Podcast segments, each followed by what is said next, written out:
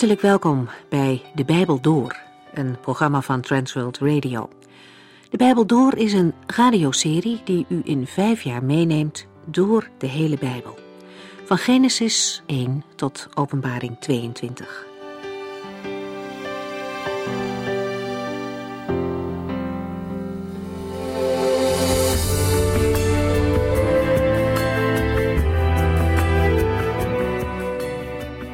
De afgelopen keren lazen we veel over Babylon en over de oordelen van God over deze stad.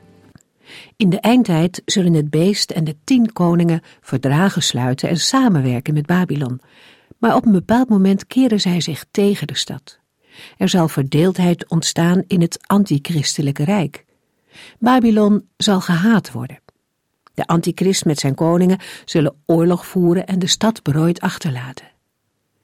De politieke en economische machthebbers die met Babylon hebben samengewerkt, blijven op afstand kijken naar de ondergang van de stad. Hun eigen veiligheid gaat voor. Ze weeklagen wel, maar dat is louter zelfbeklag, omdat hun rijkdommen en inkomsten met Babylon ten onder gaan.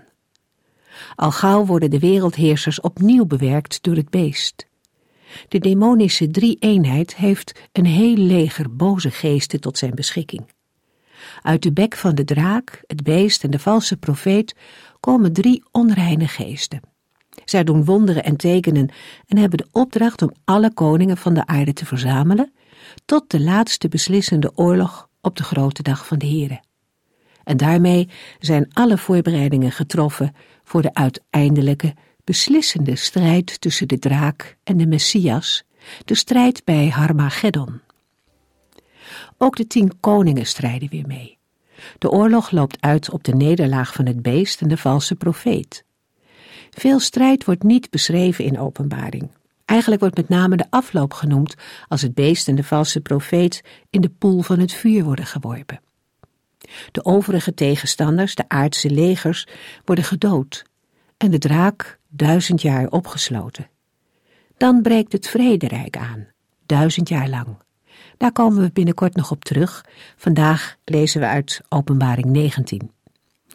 De stem die in dit gedeelte spreekt begint met Halleluja.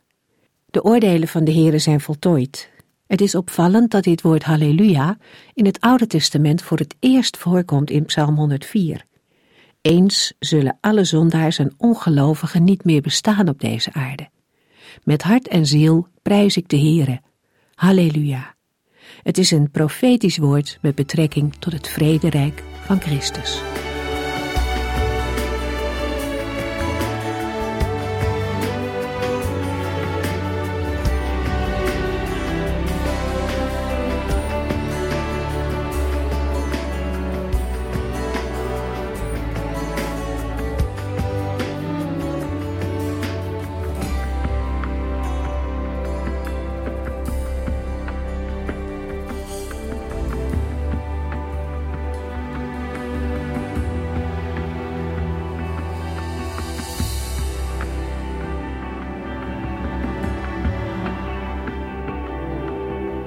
In de vorige uitzending hebben we uitgebreid stilgestaan bij Openbaring 19, vers 1 en de lijnen die te trekken zijn naar de oud-testamentische profetieën.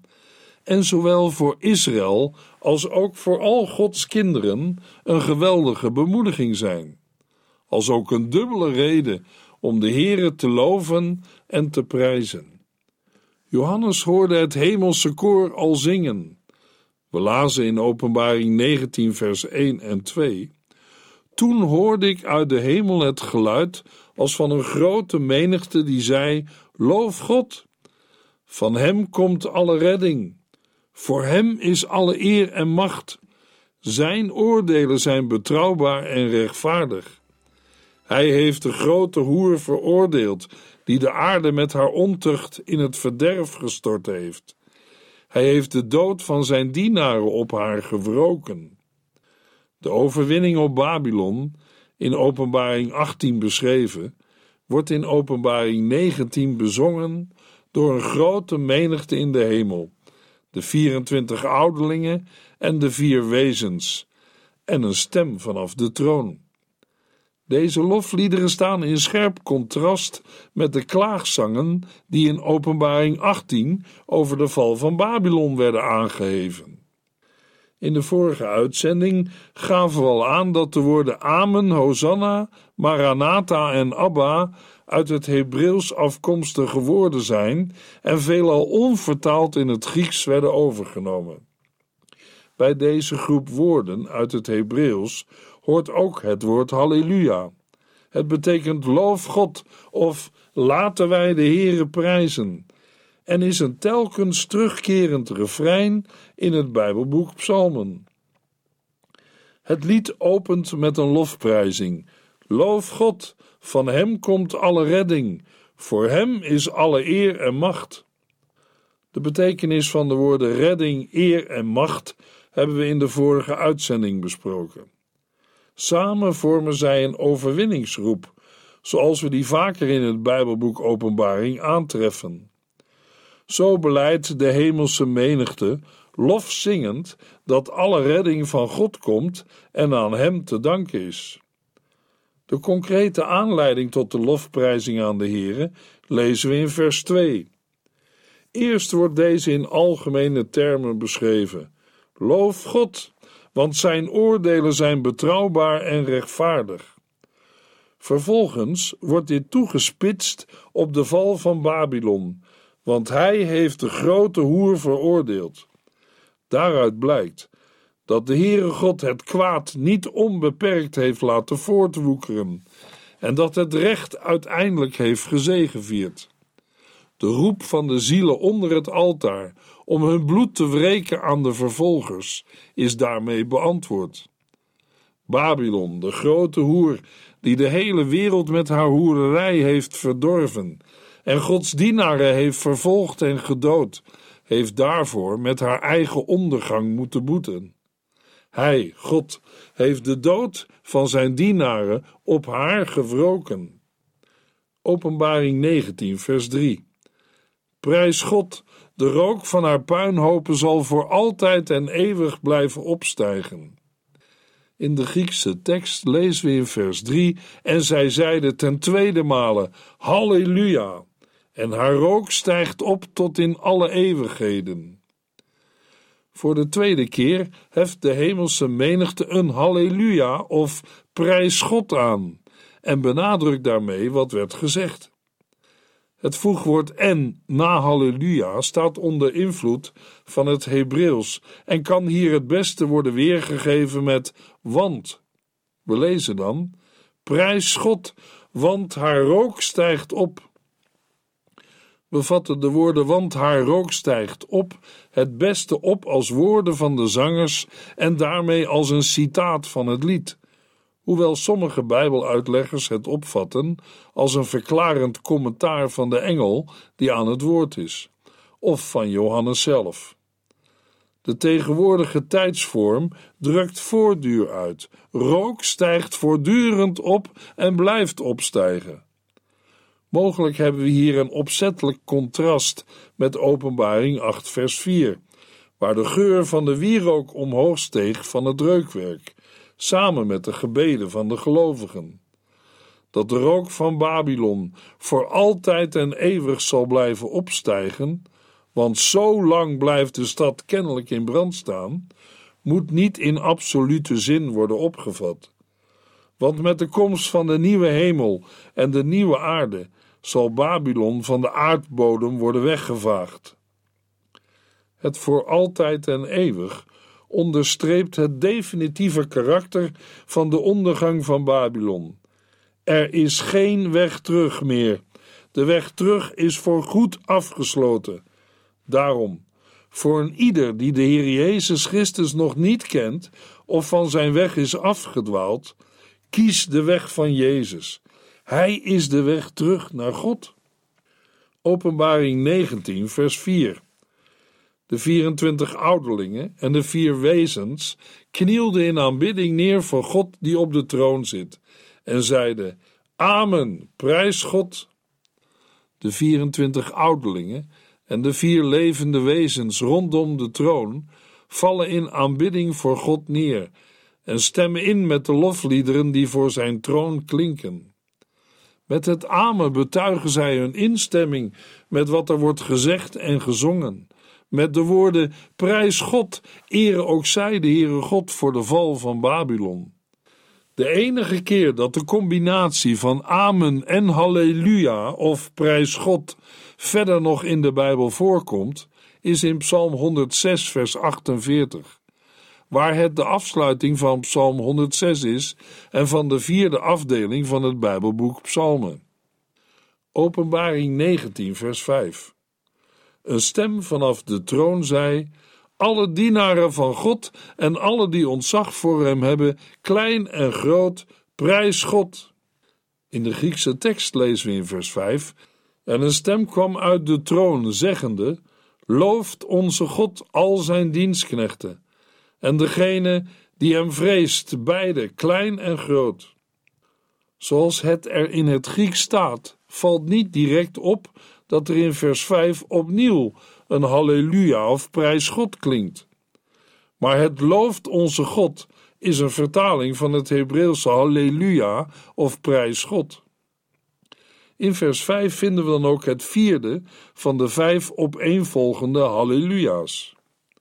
De stem klinkt vanaf de troon. Hier niet in de engere zin van de troon als zitplaats, maar van de plaats waar de troon staat. Het is niet de stem van God zelf, want er staat: Prijs onze God of van Christus. Dan had er vermoedelijk net als in Openbaring 3, vers 12, Mijn God gestaan. We moeten denken aan een levend wezen in Gods directe nabijheid. Bijvoorbeeld een engel of een gerub, of een van de vier levende wezens rondom de troon. De inhoud van het lied is een typische aansporing om God te prijzen, zoals we die ook aantreffen in de psalmen. De oproep is gericht aan alle dienaren van God en allen die ontzag voor hem hebben. In de psalmen wordt bij dienaren of knechten van de Here veelal gedacht aan de priesters en de levieten die dienst deden in de tempel. En bij allen die ontzag voor hem hebben, aan de Israëlieten in het algemeen. Maar het is de vraag of we in Openbaring 19, vers 5 ook aan twee afzonderlijke groepen moeten denken, of dat we het en meer verklarend moeten begrijpen zodat aan één groep gedacht is: alle dienaren van God, namelijk degene die ontzag voor hem hebben. Door de toevoeging klein en groot, dat wil zeggen mensen van alle rangen en standen, wordt in elk geval duidelijk gemaakt dat de oproep universeel is. Iedereen, de hele gemeente van Christus, moet God prijzen. Openbaring 19, vers 6. Daarna hoorde ik een grote menigte. Het leek wel op het geluid van een enorme waterval of van zware donderslagen. Prijs God, zeiden zij, de Heere, onze Almachtige God, regeert. Johannes hoort opnieuw een geluid als van een grote menigte. Een geluid dat hij nader omschrijft met de woorden: Het leek wel op het geluid van een enorme waterval of van zware donderslagen. In een andere vertaling lezen En ik hoorde als een stem van een grote menigte, en als een stem van vele wateren, en als een stem van zware donderslagen, zeggende: Halleluja! Want de Heer onze God, de Almachtige, heeft het koningschap aanvaard. Johannes gebruikt beelden om te beschrijven wat hij hoort, en het driemaal terugkerende als een stem van in de Griekse tekst maakt duidelijk dat hij niet ten volle in staat is het indrukwekkende karakter van wat hij hoort met menselijke woorden te beschrijven. Wie de zangers zijn, valt uit de tekst niet op te maken. Maar net als in vers 1 kunnen we denken aan de engelen en of de gestorven gelovigen in de hemel. In een vooruitblik op wat nog komen gaat, bezinkt de hemelse menigte één het aanstaande universele koningschap van God. 2. De bruiloft van het Lam. En 3. Het bruiloftsmaal van de Messias. Net zoals de val van Babylon werd bezongen als een voldongen feit, nog voordat het had plaatsgevonden. Zo wordt ook hier bezongen wat pas in een later stadium wordt gerealiseerd. De woorden de Heere onze almachtige God regeert wordt vanuit het Grieks het beste vertaald met de Heere, onze almachtige God is koning geworden of heeft het koningschap op zich genomen. Naast de gedachte dat God koning is over Israël en over de hele aarde, vinden we al in het Oude Testament de gedachte dat God koning wordt. Het eeuwige koningschap van God heeft zichtbaar gestalte gekregen in de overwinning van de Heere en het koningschap van zijn gezalfde op aarde. Over de titel God de Almachtige het volgende. Het zelfstandige naamwoord Almachtige is samengesteld uit de woorden alle en machtig zijn en heeft de betekenis van Hij die alle kracht of macht heeft, de allesbeheerser of Almachtige. Het komt in de Griekse vertaling van het Oude Testament veelvuldig voor in de zinsnede God de Almachtige en is dan een vertaling van een van de namen van de Heer in het Hebreeuws, namelijk Shaddai. Maar het wordt in het Oude Testament ook wel gebruikt als weergave voor heren van de hemelse legers. Net als in het Oude Testament wordt het in het Nieuwe Testament alleen gebruikt als hoogheidstitel van de Heere. Openbaring 19 vers 7 Laten we blij zijn en juichen en Hem eren, want de tijd van de bruiloft van het lam is aangebroken en zijn bruid staat klaar. In het Oude Testament wordt de verhouding van de Heere God met zijn volk beschreven als in een huwelijk. God is de bruidegom of echtgenoot van Israël. Israël de bruid of de vrouw van God. Daarmee wordt de intieme gemeenschap tot uitdrukking gebracht die er is tussen de Heere en zijn volk. In het Nieuwe Testament wordt deze beeldspraak betrokken op Jezus Christus en zijn gemeente. Verder wordt Christus op andere plaatsen in het Bijbelboek Openbaring en het Nieuwe Testament aangeduid als het Lam. Deze beelden komen samen in de op het eerste gezicht merkwaardige beeldspraak van de bruiloft van het Lam. Vooruitlopend op wat komen gaat, wordt gezegd dat deze bruiloft nu aangebroken is. Dat wil zeggen, het moment waarnaar de gelovigen al zo lang hebben uitgezien, is daar. Te midden van alle lijden en vervolgingen die de gelovigen meemaken, krijgen zij nu een blik in de glorieuze uitkomst van de strijd, de bruiloft van het Lam en zijn bruid in het nieuwe Jeruzalem. In het Grieks staan aan het slot van vers 7 de woorden: En zijn vrouw heeft zich gereed gemaakt. De aanduiding vrouw wordt hier, net als in Openbaring 21, vers 9, gebruikt in de zin van aanstaande echtgenoten. Ter voorbereiding op de bruiloft heeft de bruid, dat is de gemeente van Christus, bestaande uit Joden en niet-Joden, zichzelf gereed gemaakt, zodat ze op gepaste wijze voor haar bruidegom Christus kan verschijnen. Openbaring 19, vers 8. Zij mocht een kleed van schitterend wit linnen aantrekken. Dat fijne linnen staat voor de goede daden van de gelovigen. De bruid, de gemeente van Christus, is bekleed met een prachtig bruidskleed van schitterend zuiver wit linnen, een gewaad zoals de hemelingen, Christus, de engelen, de vier levende wezens, de 24 ouderlingen en de verheerlijkte gelovigen ook dragen. Daarmee staat in schril contrast het donkerrode en met bloed besmeurde gewaad van de grote hoer. De verklarende toelichting dat het fijne linnen de goede daden van de gelovigen zijn, is ingegeven door woorden van de profeet Jezaja. We lezen in Jezaja 61 vers 10 Want hij, de Heere, heeft mij gekleed in gewaden van heil en een mantel van gerechtigheid over mijn schouder gelegd. Ik lijk wel een bruidegom in zijn trouwpak of een bruid met haar sieraden. In de vertaling van het Nederlands Bijbelgenootschap lezen we in Openbaring 19, vers 8: En haar is gegeven zich met blinkend en smetteloos fijn linnen te kleden, want dit fijne linnen zijn de rechtvaardige daden van de heiligen. De vertaling rechtvaardige daden lijkt niet zo goed in het verband te passen, want het bruidskleed is de bruid gegeven.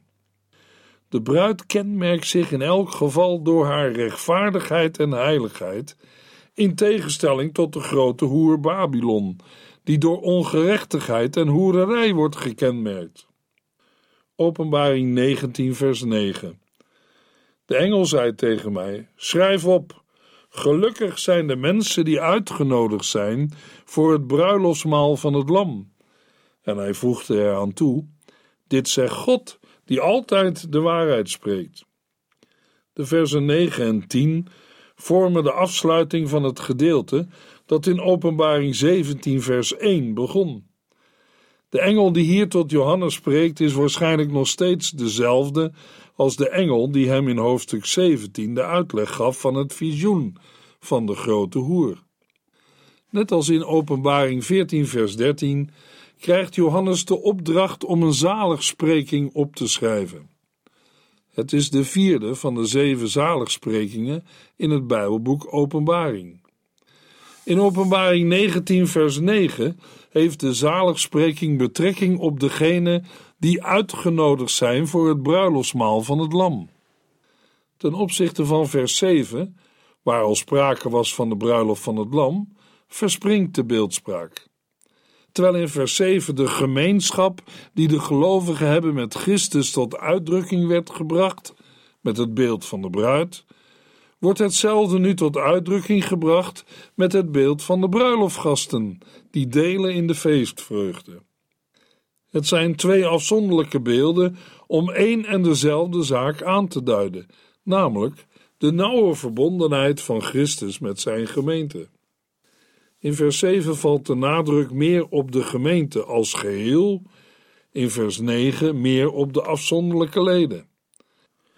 Er valt veel voor te zeggen om de woorden: Dit zegt God, die altijd de waarheid spreekt, niet alleen te betrekken op wat er in het onmiddellijk voorafgaande is gezegd, maar op Openbaring 17, vers 1 tot en met 19, vers 9 in zijn geheel.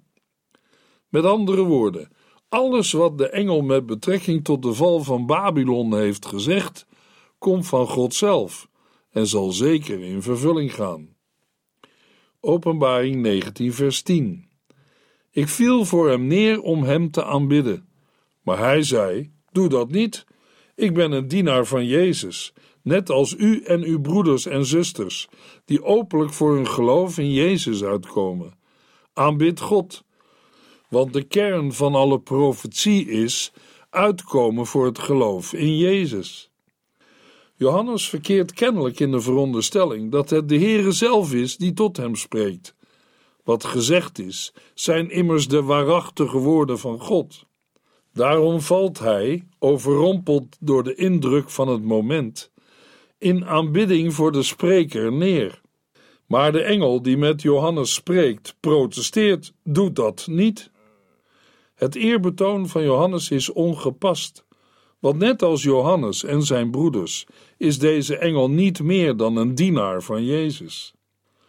Laten we nog wat dieper ingaan op het neerknielen van Johannes voor de engel. Tot tweemaal toe wordt beschreven hoe Johannes een engel wil aanbidden, maar door deze wordt vermaand om dat niet te doen. Het lijkt heel vreemd dat Johannes zoiets zou doen, en dan nog wel tweemaal.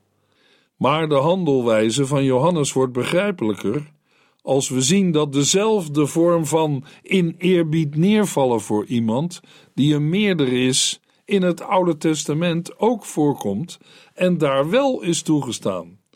Voorbeelden hiervan zijn Lot, die voor de twee engelen neerknielt, Abraham, die voor de inwoners van Canaan knielt, het knielen van Jacob voor zijn broer Esau, de belofte dat de Sabeërs voor de Israëlieten zullen knielen. En de aanbidding die Nebukadnessar aan de profeet Daniel brengt.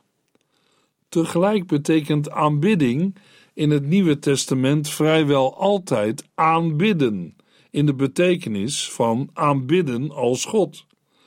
Daarmee hebben we in openbaring dan te maken met een aanscherping van de norm, waarbij het neerknielen voor andere personen dan God wordt verboden, omdat het te veel lijkt op het brengen van goddelijke eer. De achtergrond van dit verbod is ongetwijfeld de dreigende invloed van het Griekse denken op het christendom, die zich bijvoorbeeld uitte in het ontstaan van de gnostiek. Daarin werd de absoluut unieke positie van God niet erkend en was er veel aandacht voor engelen en andere hemelwezens. Johannes beschrijft ook de verering van de antichrist met behulp van hetzelfde woord aanbidden. Het eeuwige evangelie daarentegen houdt in dat de Heere God alleen aanbeden wordt. Des te opvallender is het dat Jezus Christus wel mag delen in de verering die God ten deel valt. Eenzelfde verscherping van het verbod om voor anderen te knielen als in openbaring zien we ook al in Esther 3 vers 2 en 5, waar Mordechai weigert om voor Haman te knielen. We lazen in Openbaring 19, vers 10: Ik viel voor hem neer om hem te aanbidden. Maar hij zei: Doe dat niet. Ik ben een dienaar van Jezus, net als u en uw broeders en zusters, die openlijk voor hun geloof in Jezus uitkomen. Aanbid God. Want de kern van alle profetie is uitkomen voor het geloof in Jezus. In het Grieks lezen we en ik viel neer voor zijn voeten om hem te aanbidden. En hij zei tot mij: Doe dit niet. Ik ben een mededienstknecht van u en uw broederen, die het getuigenis van Jezus hebben. Aanbid God. Want het getuigenis van Jezus is de geest van de profetie. De grote vraag bij het slot van vers 10 is: wat wordt bedoeld met het getuigenis van Jezus? En wie zijn de broeders die dit getuigenis hebben? Het meest waarschijnlijke is dat met het getuigenis van Jezus het getuigenis van gelovigen over Jezus wordt bedoeld. Openbaring 19, vers 11. Ik zag dat de hemel geopend was, en plotseling zag ik een wit paard. Hij die erop zat, heet trouw en oprechtheid. In zijn oordeel en in de strijd is hij rechtvaardig. Met vers 11 begint een nieuwe serie visioenen die doorloopt tot Openbaring 20, vers 15. Maar daarover meer in de volgende uitzending.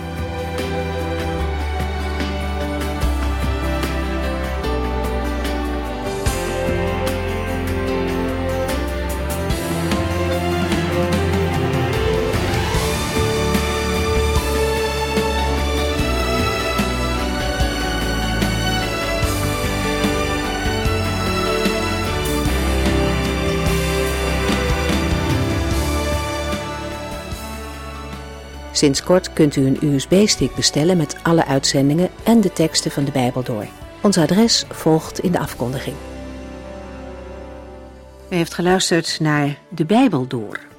In het Nederlands vertaald en bewerkt door Transworld Radio.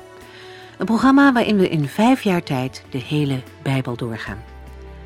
Als u wilt reageren op deze uitzending of u heeft vragen, dan kunt u contact met ons opnemen.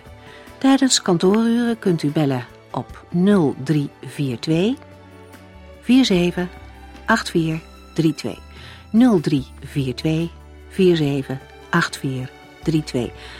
Ook kunt u een e-mail sturen naar de Bijbel door at transworldradio.nl en natuurlijk kunt u ook via de post ons bereiken. TWR, postbus 371, postcode 3770, AJ in Barneveld. Dit programma werd gepresenteerd door Corweda en Ike André. Techniek was in handen van Odin van Woerdenkom. En namens ons allemaal bedanken we u van harte voor het luisteren.